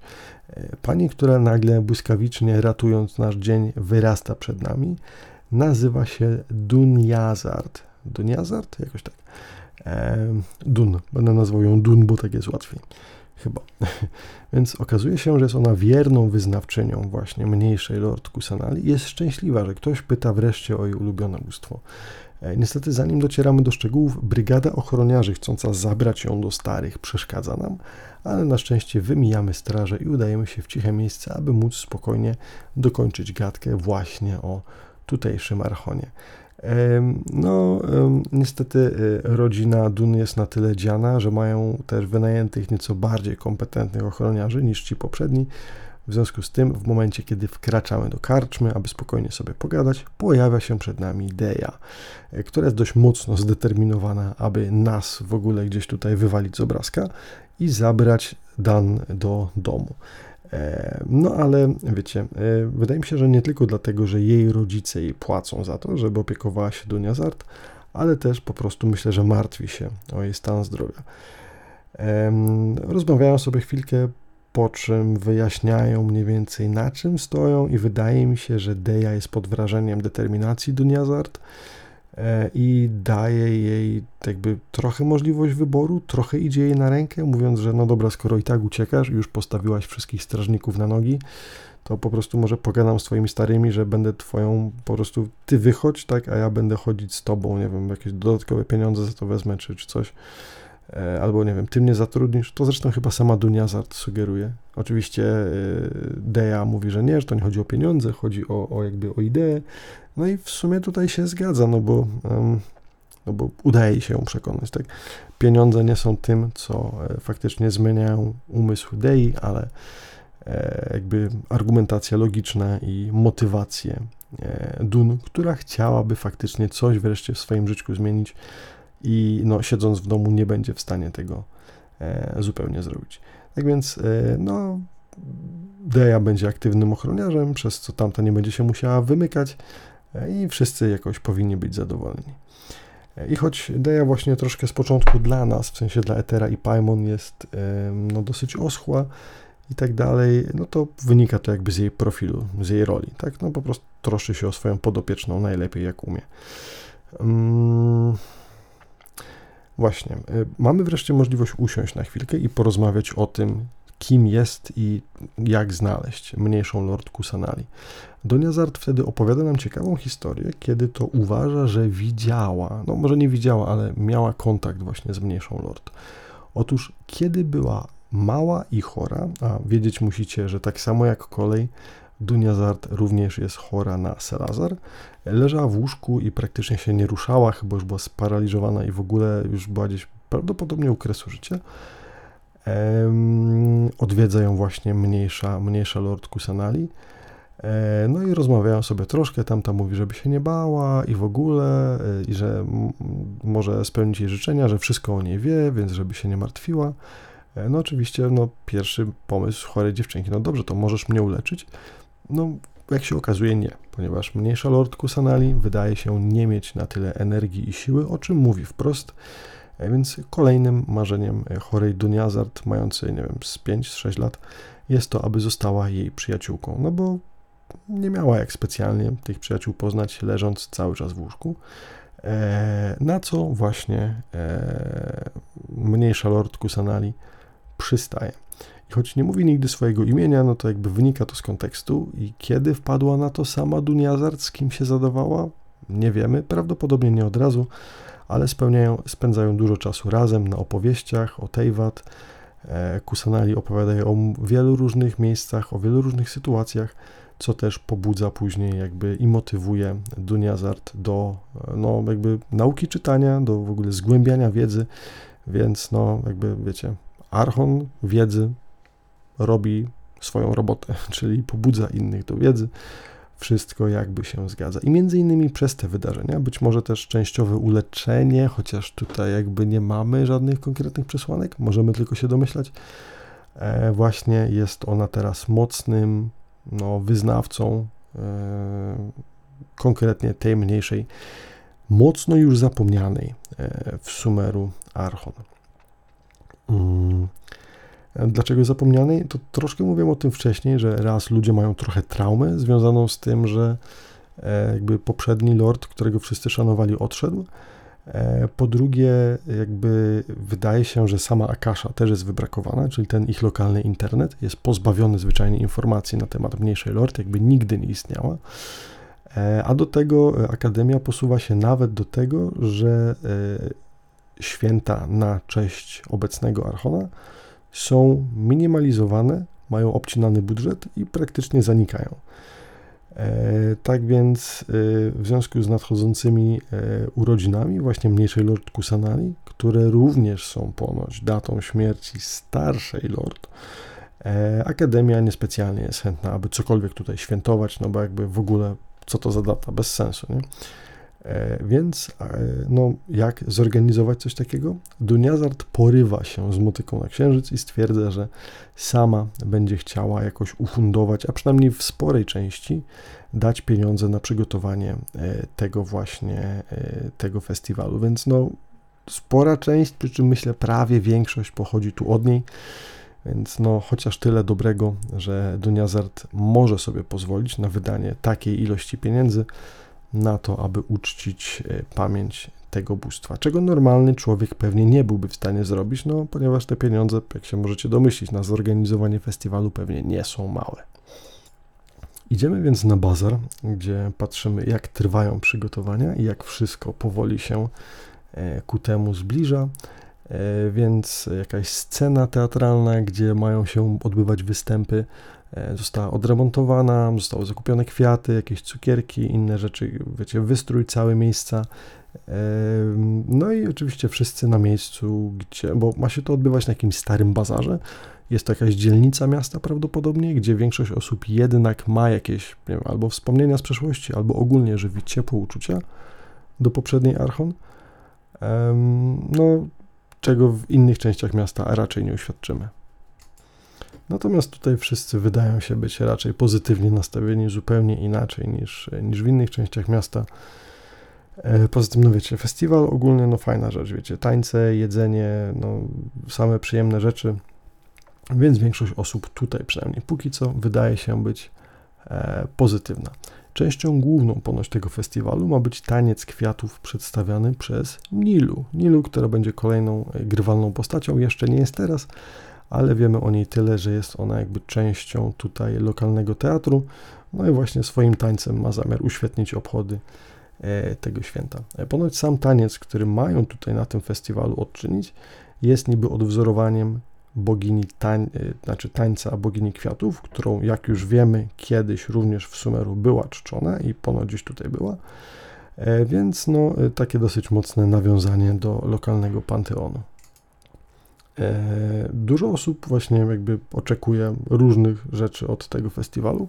E, co ciekawe, jest on na tyle interesujący, że nawet spotykamy tutaj Katrin, która twierdzi, wiecie, tą Kaśkę, która zazwyczaj siedzi w budce e, tego od Gildii Podróżników.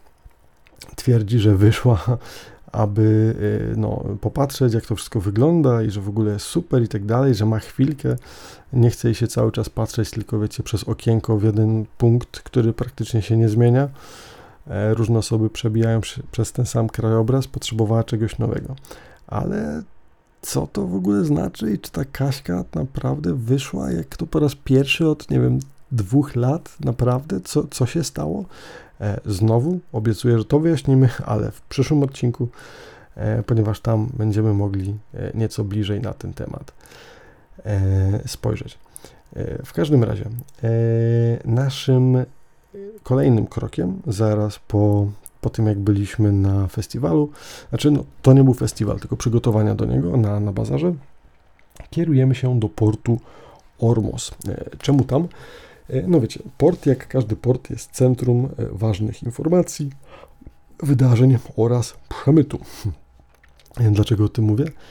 E, od nitki do kłębka razem z, z Deją i z innymi łapiemy trop, podczas to którego wiemy, że Akademia ponoć zgubiła jakiś ważny przedmiot ostatnio. I ten przedmiot prawdopodobnie jest właśnie w porcie Ormos, który jest ulokowany, no to jest inny jakby taki duży okręg, e, to jest jakby część Sumeru, ale nie miasta Sumeru, tylko po prostu jakaś tam część portowa tego kraju. Więc udajemy się tam, aby zrozumieć coś więcej na ten temat, ponieważ są plotki, że obiekt, który został zgubiony, ma właśnie jakąś wiedzę a propos archonów.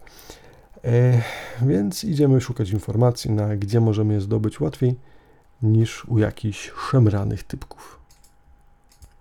Oczywiście tamci e, nie dadzą nam informacji za darmo, tylko za pół miliona mora i w pewnym momencie nawet wpadamy na pomysł, że no dobra, spoko, jeżeli to ma nas pchnąć ku dobremu, no to spróbujmy.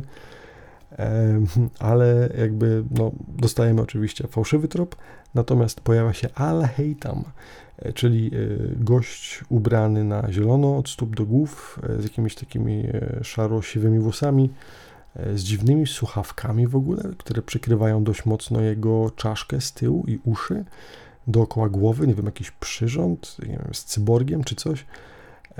Pojawia się znikąd, wyjaśnia nam, że jesteśmy, że zostaliśmy oszukani i jakby tutaj e, próbuje e, zastraszyć trochę ten dziwny, no, mm, tych eremitów, z którymi rozmawialiśmy właśnie z Ain al-Ahmar.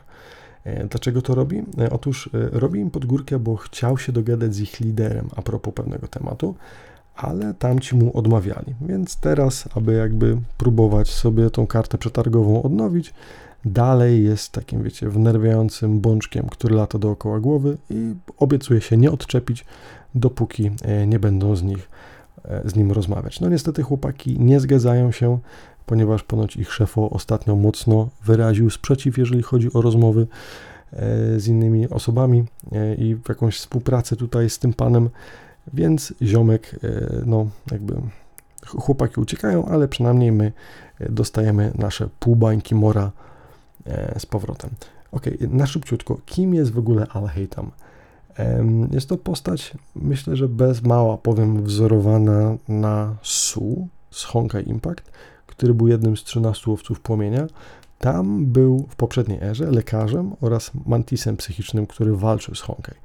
E, po operacji Ichor, czyli wszczepienia genów Honkai, został trochę oświeconym, kimś jak Buddha, więc kontekstowo i kulturowo pasuje tutaj bardzo mocno. W ogóle jestem mocno zdziwiony, że Al-Heitam nie jest e, tym Archonem, bo jakby myślę, że pasowałby idealnie, no ale e, akurat tutaj układ był nieco inny.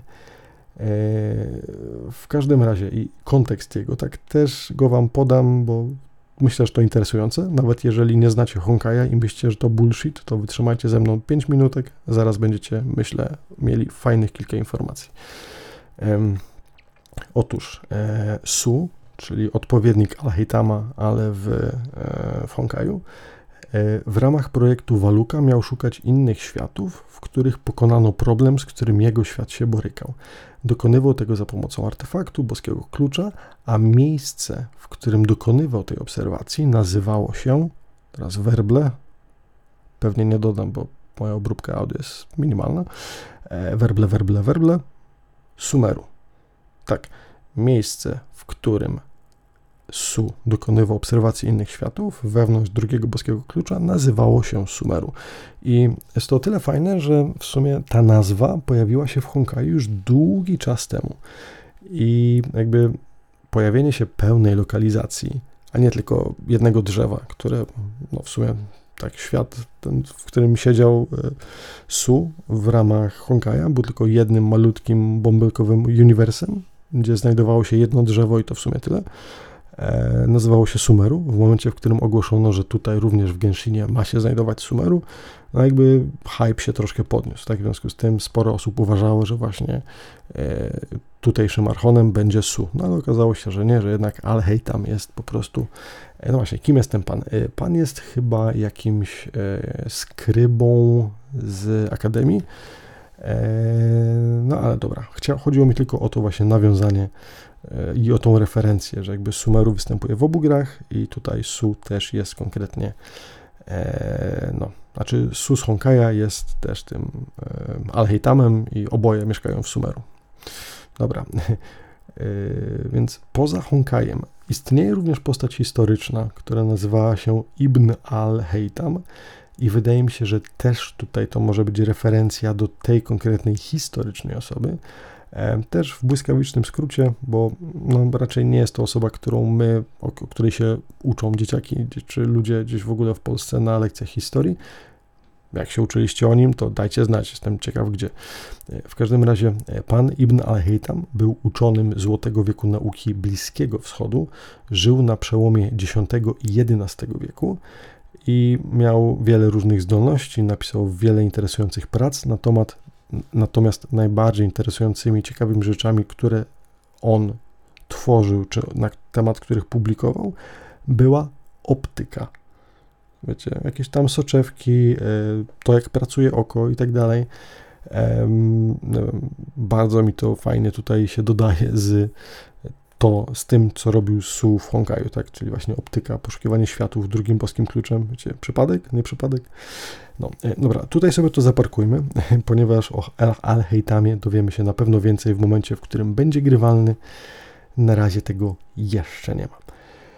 E, więc tak, powiedzieliśmy sobie, że jest skrybą w akademii i e, po dłuższych rozmowach ostatecznie wyznaje nam, że tak, poszukiwane przez wszystkich przedmioty znajdują się ponoć gdzieś tutaj i zaginęły podczas transportu na pustyni i wiele osób stara się zyskać choćby ułamek informacji na temat tego, gdzie to jest, a półświatek już ustalił sobie, gdzie to jest i szykuje się na aukcję. Czym jest ta magiczna rzecz, która została właśnie skradziona? Jest to, nie wiem, puszka albo kapsułka wiedzy. Jeżeli Akasha jest internetem, do którego każdy może się podpiąć i na nim działać, to ta kapsułka wiedzy jest pendrive'em jest pendrive'em, na którym możemy skopiować sobie część tej wiedzy. I e, ten jakby działa to poza systemem, przez co większość tego typu rzeczy zaraz po użyciu w jakimś konkretnym celu jest kasowana. Natomiast te, które nie są kasowane, oczywiście, jak się możecie domyślać, trafiają na czarny rynek. Bardzo jestem ciekaw w ogóle, kto wypuścił tutaj tą informację E, i, i dlaczego. Być może to Skaramusz, być może inni. E, chciałbym się o tym coś więcej dowiedzieć i myślę, że będziemy mogli się e, temu przypatrzeć za jakiś czas. Niemniej jednak, oczywiście domyślamy się, że eremici, ci właśnie tam od szkarłatnego, chcą to dostać, ponieważ są też przesłanki, że w tej magicznej kapsułce wiedzy jest jakaś zakazana boska wiedza, i przez to, że oni też na pustyni słyszą ostatnio, jak wyrocznie im mówi, że ich tam król e, szkarłatny, ich, ich bóstwo powróci, dodają sobie to razem i stwierdzają, że być może będą w stanie wskrzesić swoje bóstwo, które pewnie gdzieś się pojawi. Będziemy go mieli jako nowego bossa. No ale póki co e, nie wyprzedzajmy faktów, tak? Al-Heitam chce połączyć siły z różnymi eremitami, tylko za możliwość wglądu w te dane i badania nad ich zawartością. Bo w sumie dlaczego to nam nie powiedział? No bo jakby jest sam członkiem e, tego akademii, więc jemu nie wypada coś takiego, ale być może ma swoje powody, aby też działać tutaj e, jakby incognito. Mm, no ale właśnie próbuję z różnymi eremitami się dogadać. Niestety ci z grupy Al-Ahmar nie są specjalnie do tego skorzy, stąd cała sytuacja. E, od słowa do słowa jakby nawiązujemy nieco głębszą relację. E, on zauważa, że my możemy jemu pomóc, więc jakby próbujemy tą e, sprawę przepchnąć w dwie strony. Ale Al-Heitam mówi, że ma dostęp do informatora, który mógłby nam pomóc, ale on sam z nim się nie dogada, ponieważ jest członkiem akademii. A tamta osoba, która handluje właśnie no, zakazaną wiedzą, jest raczej na radarze. Znaczy, wszystkie osoby z akademii są na jej, jego radarze, więc bez sensu byłoby się pakować. E, chyba nawet mówił, że poprzednie próby kontaktu po prostu spełzły na niczym, no bo to wyglądało jakby zwyczajnie e, Matra, czyli ten e, wykonawczy, egzekucyjny fragment Akademii, chciał tutaj się rozprawić z jakąś nielegalną propagacją danych. Wysyła więc sprytny Alheitam nas, abyśmy mogli wkupić się w łaski tego magicznego sprzedawcy. No i oczywiście okazuje się, że jest to Dori. Dori, czyli kolejna jakby mm, postać grywalna, e, u której to chcemy kupić masę rzeczy, wydać masę siana, być idealnym klientem, którego jest w stanie obrobić z pieniążków, tylko po to, aby później kupić od niej te najciekawsze informacje. Ale tam tego nie może zrobić, bo jest częścią akademii, z którą Dori nie chce mieć nic wspólnego, a my jesteśmy czystym nowym klientem, którzy z chęcią e, mogą się u niej zaopatrywać w różne dziwne rzeczy. E, Dori poza tym, że jest taką wersją jakby chibi i jest malutka i jest strasznie przebiegła i ponoć przehandluje wszystko, jeżeli ma możliwość, nosi się w różach i fioletach i jest takim odpowiednikiem, nie wiem, jest miksem Kiki e, i wszystkich innych małych postaci, które, do których mamy dostęp w, w Genshinie. Jest to ta postać właśnie taka, wiecie, 1,20 m w kapeluszu. E, no to nie wiem, też pewnie więcej o niej się dowiemy, jak wyjdzie, a kiedy. No to na razie, na razie musimy poczekać. E, finał finałów jest taki, że y, kupujemy u niej masę rzeczy, wywalamy masę siana na zakupienie towarów, które e, no, ona ma.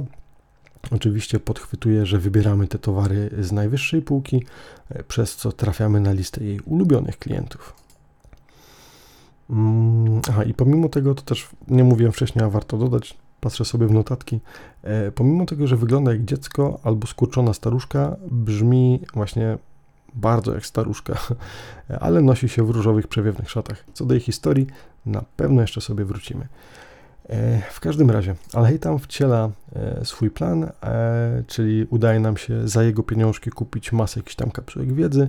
W międzyczasie pokazuje nam też, jak w ogóle to czytać, tak?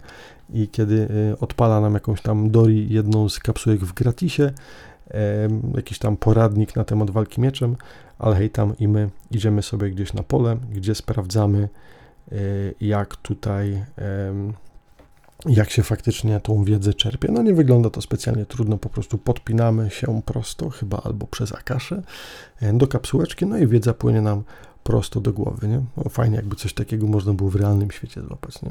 No niestety, to tylko gra.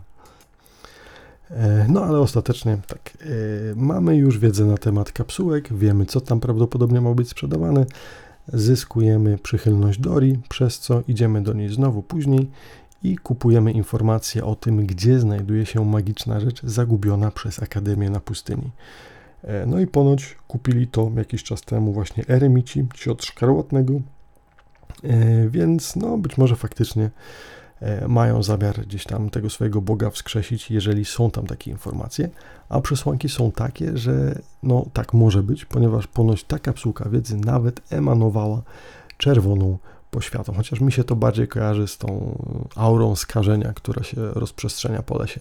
No ale jak wiemy, e, pewnie ci eremici nie byli częścią e, grupy zwiadowczej e, w lesie, żeby mieć możliwość ocenić jakby realne zagrożenia związane z korzystaniem z taką kapsułą, z takiej kapsuły. Mm, a my razem z Alheitamem idziemy po prostu na konfrontację razem z tamtymi gdzie Alhej tam trochę prowokuje chłopaków, trochę ich gdzieś tam roznosi po bokach, e, kiedy stają to do walki.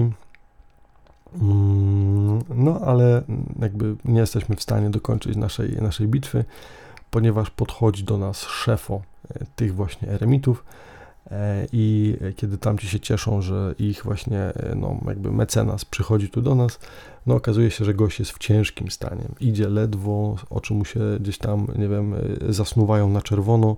Z jego punktu widzenia to wygląda jakby Ewa wpadała w berzerk. Wiecie, z Ewangeliona jakieś takie czerwone płytki stają mu przed oczami i chłopak nic nie widzi.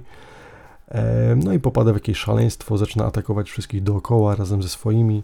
E, no oczywiście my oraz Alheitam pomagamy go powstrzymać e, i udaje nam się to dopiero po tym, jak chyba jakimś tam większym atakiem E, niszczymy, a konkretnie to chyba Alheitam niszczy jego przewodnik Akashi, prawdopodobnie niszcząc połączenie pomiędzy gdzieś tam jego głową a, a głównym systemem albo tą kapsułką wiedzy, którą wcześniej chłopak czytał. No i mu mija, ale cały czas, chociaż nie, chyba podczas szału, zanim wpadł w berserk, powtarzał te same kwestie, które wcześniej e, słyszeliśmy, kiedy to my byliśmy w naszym transie w Irminsu, czyli tam świecie zapomnij o mnie i tak dalej. E, no, oczywiście przybywa też szybciutko Matra, która zbiera wszystkich winnych zadymy, ale na szczęście zanim ich zawijają, ale hej tam, szybka rączka zawija kapsułę ze sobą, więc no w sumie win-win. Nie wydał pieniędzy, wszystko ma przy sobie. Trochę się musiał napocić z posłaniem ich na deski, ale ma to, co chciał. Więc ostatecznie odchodzimy gdzieś daleko, aby przedyskutować sobie dalsze kroki.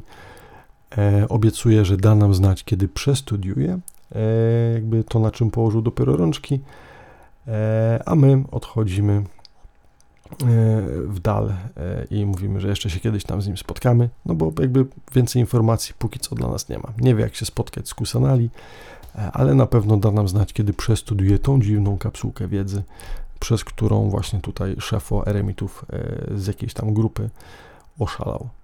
Mm, jeszcze ciekawe jest, czym się słowa, którymi kończy się ten konkretny Archonquest, E, mianowicie mówi, że musi teraz napisać raport dla góry, e, ale też chciałby sprawdzić kapsułkę. I mówiąc o tym, czy napisać raport, e, patrzy dość wymownie w naszą stronę, kiedy to Ether i Paimon odchodzą gdzieś tam dalej w stronę Port Ormos. I wydaje mi się, że może być szpiegiem, nie wiem, może podwójnym szpiegiem, może jego celem zawsze od początku było po prostu sprawdzenie nas. Nie wiadomo i ani w pierwszym, ani w drugim questie się to nie wyjaśnia. E, my na razie, w każdym razie tutaj sobie to e, kończymy. Ale nie kończymy naszego podcastu, ponieważ przyjrzymy się jeszcze dwóm questom i obiecuję, że na szybko, bo już jesteśmy praktycznie półtorej godziny gadania, więc kto tyle przeżyje? Lećmy do końca. E, otóż e, są jeszcze dwa questyki a propos Sumeru i Tingariego. I e, te dwie postacie mieliśmy sobie przybliżyć troszkę bardziej, więc spróbujmy jeszcze jakoś szybko, w 5-10 minut e, się im przyjrzeć. Otóż podczas naszej bytności w Sumeru dostajemy prośbę o odnalezienie i sprowadzenie e, znanego pisarza do właśnie firmy, która zajmuje się rzeźbieniem figurek Aranara. Chodzi o to, że no, jakby im biznes się niespecjalnie kręci, po tym jak wypuścili figurki, które sami zaprojektowali. Niestety potrzebują do tego sprawdzonego biznesmena. I podróżując po lesie, e, gdzieś tam e, z dala od miasta, spotykamy chłopaka, który faktycznie zabłądził. Okazuje się on być właśnie synem wspomnianego wcześniej pisarza. E, w szoku jest również kolej, którą też gdzieś tam znajdujemy, która jest wielkim fanem, wielką fanką właśnie tego konkretnego pisarza, prawdopodobnie przez to, że no jakby ucząc się czytać, głównie na książkach i bajkach dla dzieci, na pewno miała styczność właśnie z tym, co on tworzy.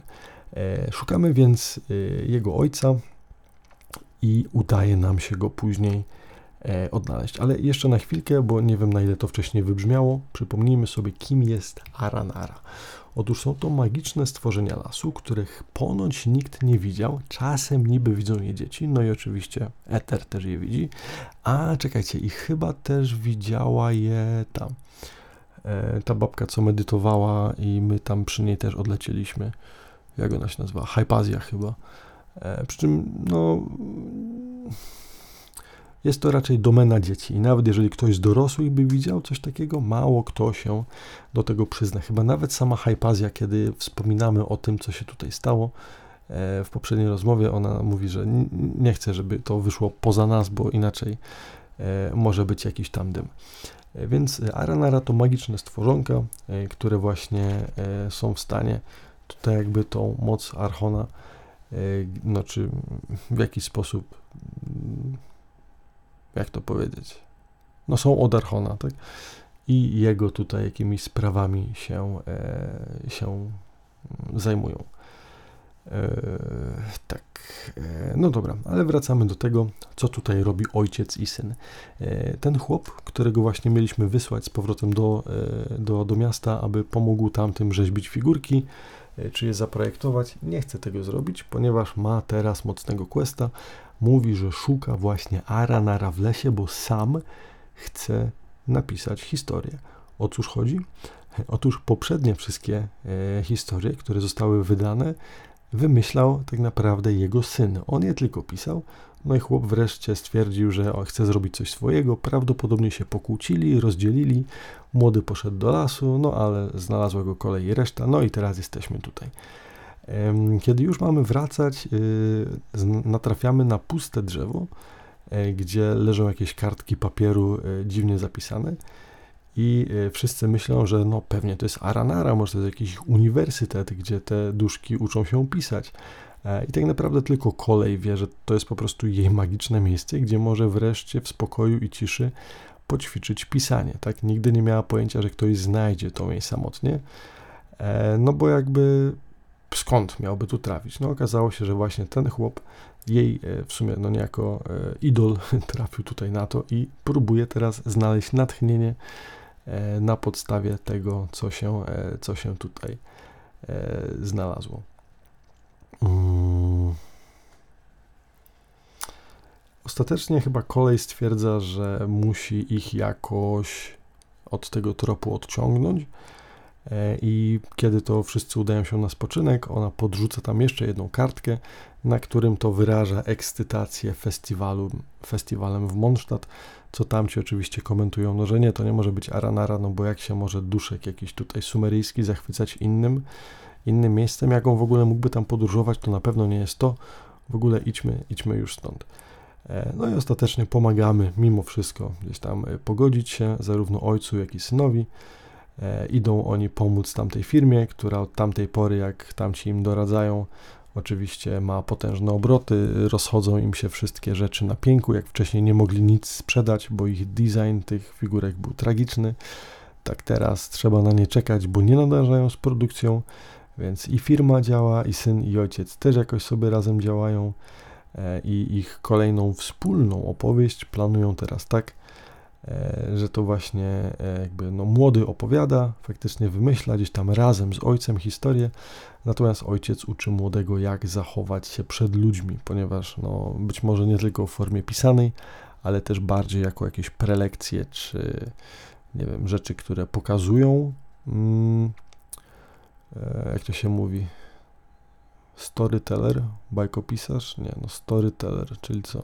Gawędziarz, o właśnie. Czyli może młody pierwszy raz ma jakąś gawędę urządzić, e, no ale jako, że jest młody i wcześniej całą tą część PR-ową robił jego ojciec, no to teraz wreszcie e, jakoś mają szansę razem popracować nad tym tematem i być znowu zespołem. No gdzieś ta więź, którą wcześniej sobie E, zagubili, razem wraca. No i tak kończy się Questor, wszyscy żyli długo i szczęśliwie, ale mamy jeszcze Tinariego. Mm, I tutaj historia wyglądała mniej więcej tak, że próbujemy znaleźć lekarstwo dla chorego chłopaka, e, bo jakaś tam karawana została napadnięta i nie brzmi to w sumie jakoś dziwnie, poza tym, że e, no, ta napaść nie została dokonana przez obiekt ożywiony. Znaczy, no, i tak, i nie. E, na pewno nie był to obiekt biologiczny. Wszyscy, którzy gdzieś tam byli, i ponoć nie są to odosobnione przypadki, byli napadani przez coś, co wygląda jak, nie wiem, jakiś mechaniczny pająk, Kenria.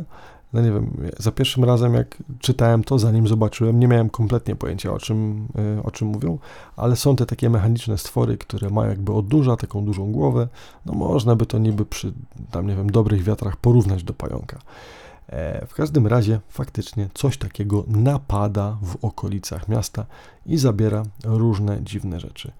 E, tak więc no, Tinari nie może tego e, zignorować jako ranger, który dba tutaj o dobro i bezpieczeństwo w tym lesie.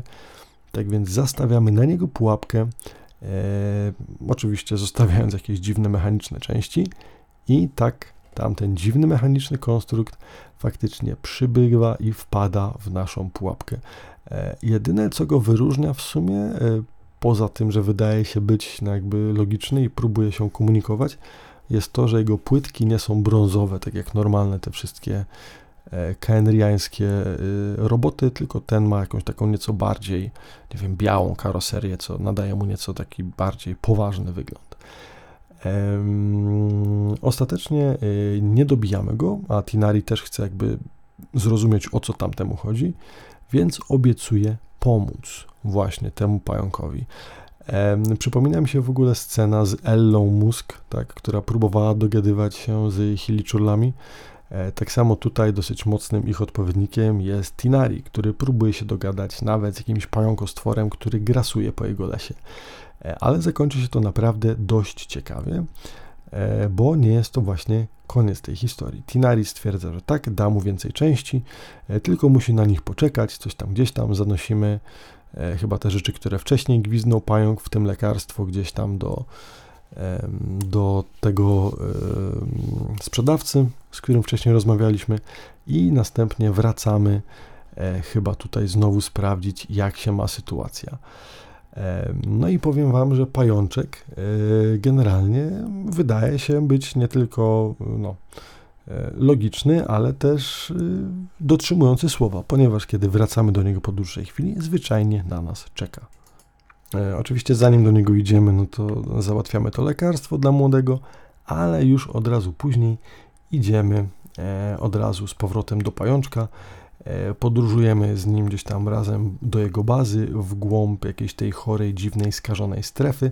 Tylko, no właśnie, jak wcześniej, strefy te więdnięcia były zaznaczone na czerwono i rośliny zachowywały się tam jakoś tak bardzo agresywnie. Tak tutaj rośliny wydają się być mocno pobudzone energią leylines, jakby wyciekała ona w sposób niekontrolowany. Na ile się to różni od tego, od tych stref więdnięcia? No nie wiem, tym, że nie powstają jakieś takie E, dziwne, e, jak to się nazywa, bąble, e, czy jakieś takie strefy spaczenia, które można po prostu rozwalić, które wyraźnie sączą się, jakieś takie ro, ropniaki, czy coś, nie wiem, jak to jest po angielsku, tumor. Tumor to jest, to jest może trzeba było oglądać doktora Hausa, żeby pamiętać. No nieważne. E, ale lećmy sobie dalej. E, okazuje się, że ten dziwny pajączek ma nieco więcej skilli niż tylko e, rozumienie nas. Okazuje się, że nawet w momencie, w którym gdzieś tam idziemy do tej jego głównej bazy w długi, długi czas, parzy nam kawę. Robot. Kumacie, no zdecydowanie nie jest to zwyczajna, myślę, maszynka, która wyszła spod ramienia Kenria i o tym, skąd się wzięło, mamy się już całkiem niebawem dowiedzieć.